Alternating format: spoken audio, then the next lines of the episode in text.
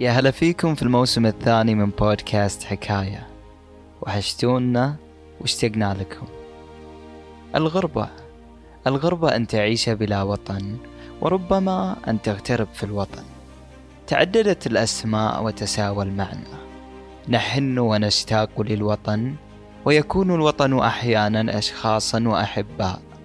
ولكن ماذا لو وجدنا الوطن في أرض أخرى؟ في الموسم الثاني من بودكاست حكاية نتناول حكايات المغتربين في شتى بقاع الأرض. بكل الجنسيات تفرقهم ألوان وأعراق وديانات وأسماء. يجمعهم آدم أبانا جميعا. سنعيش الحكاية كما عشناها معا في الموسم السابق وستعرفون شخصيات لم يعلم عنها أحد. وإذا كنت أحد المغتربين في أي دولة كانت لا تتردد في إرسال حكايتك لنا على الإيميل اللي في الوصف لتكون جزء من حكاية. في الغربة يشقى المرء ويتعلم وفي الأسفار ينمو ويفهم. ألم تر في المهجر سرا؟ كل من سرى إليه يتقدم. كونوا معنا قريبا.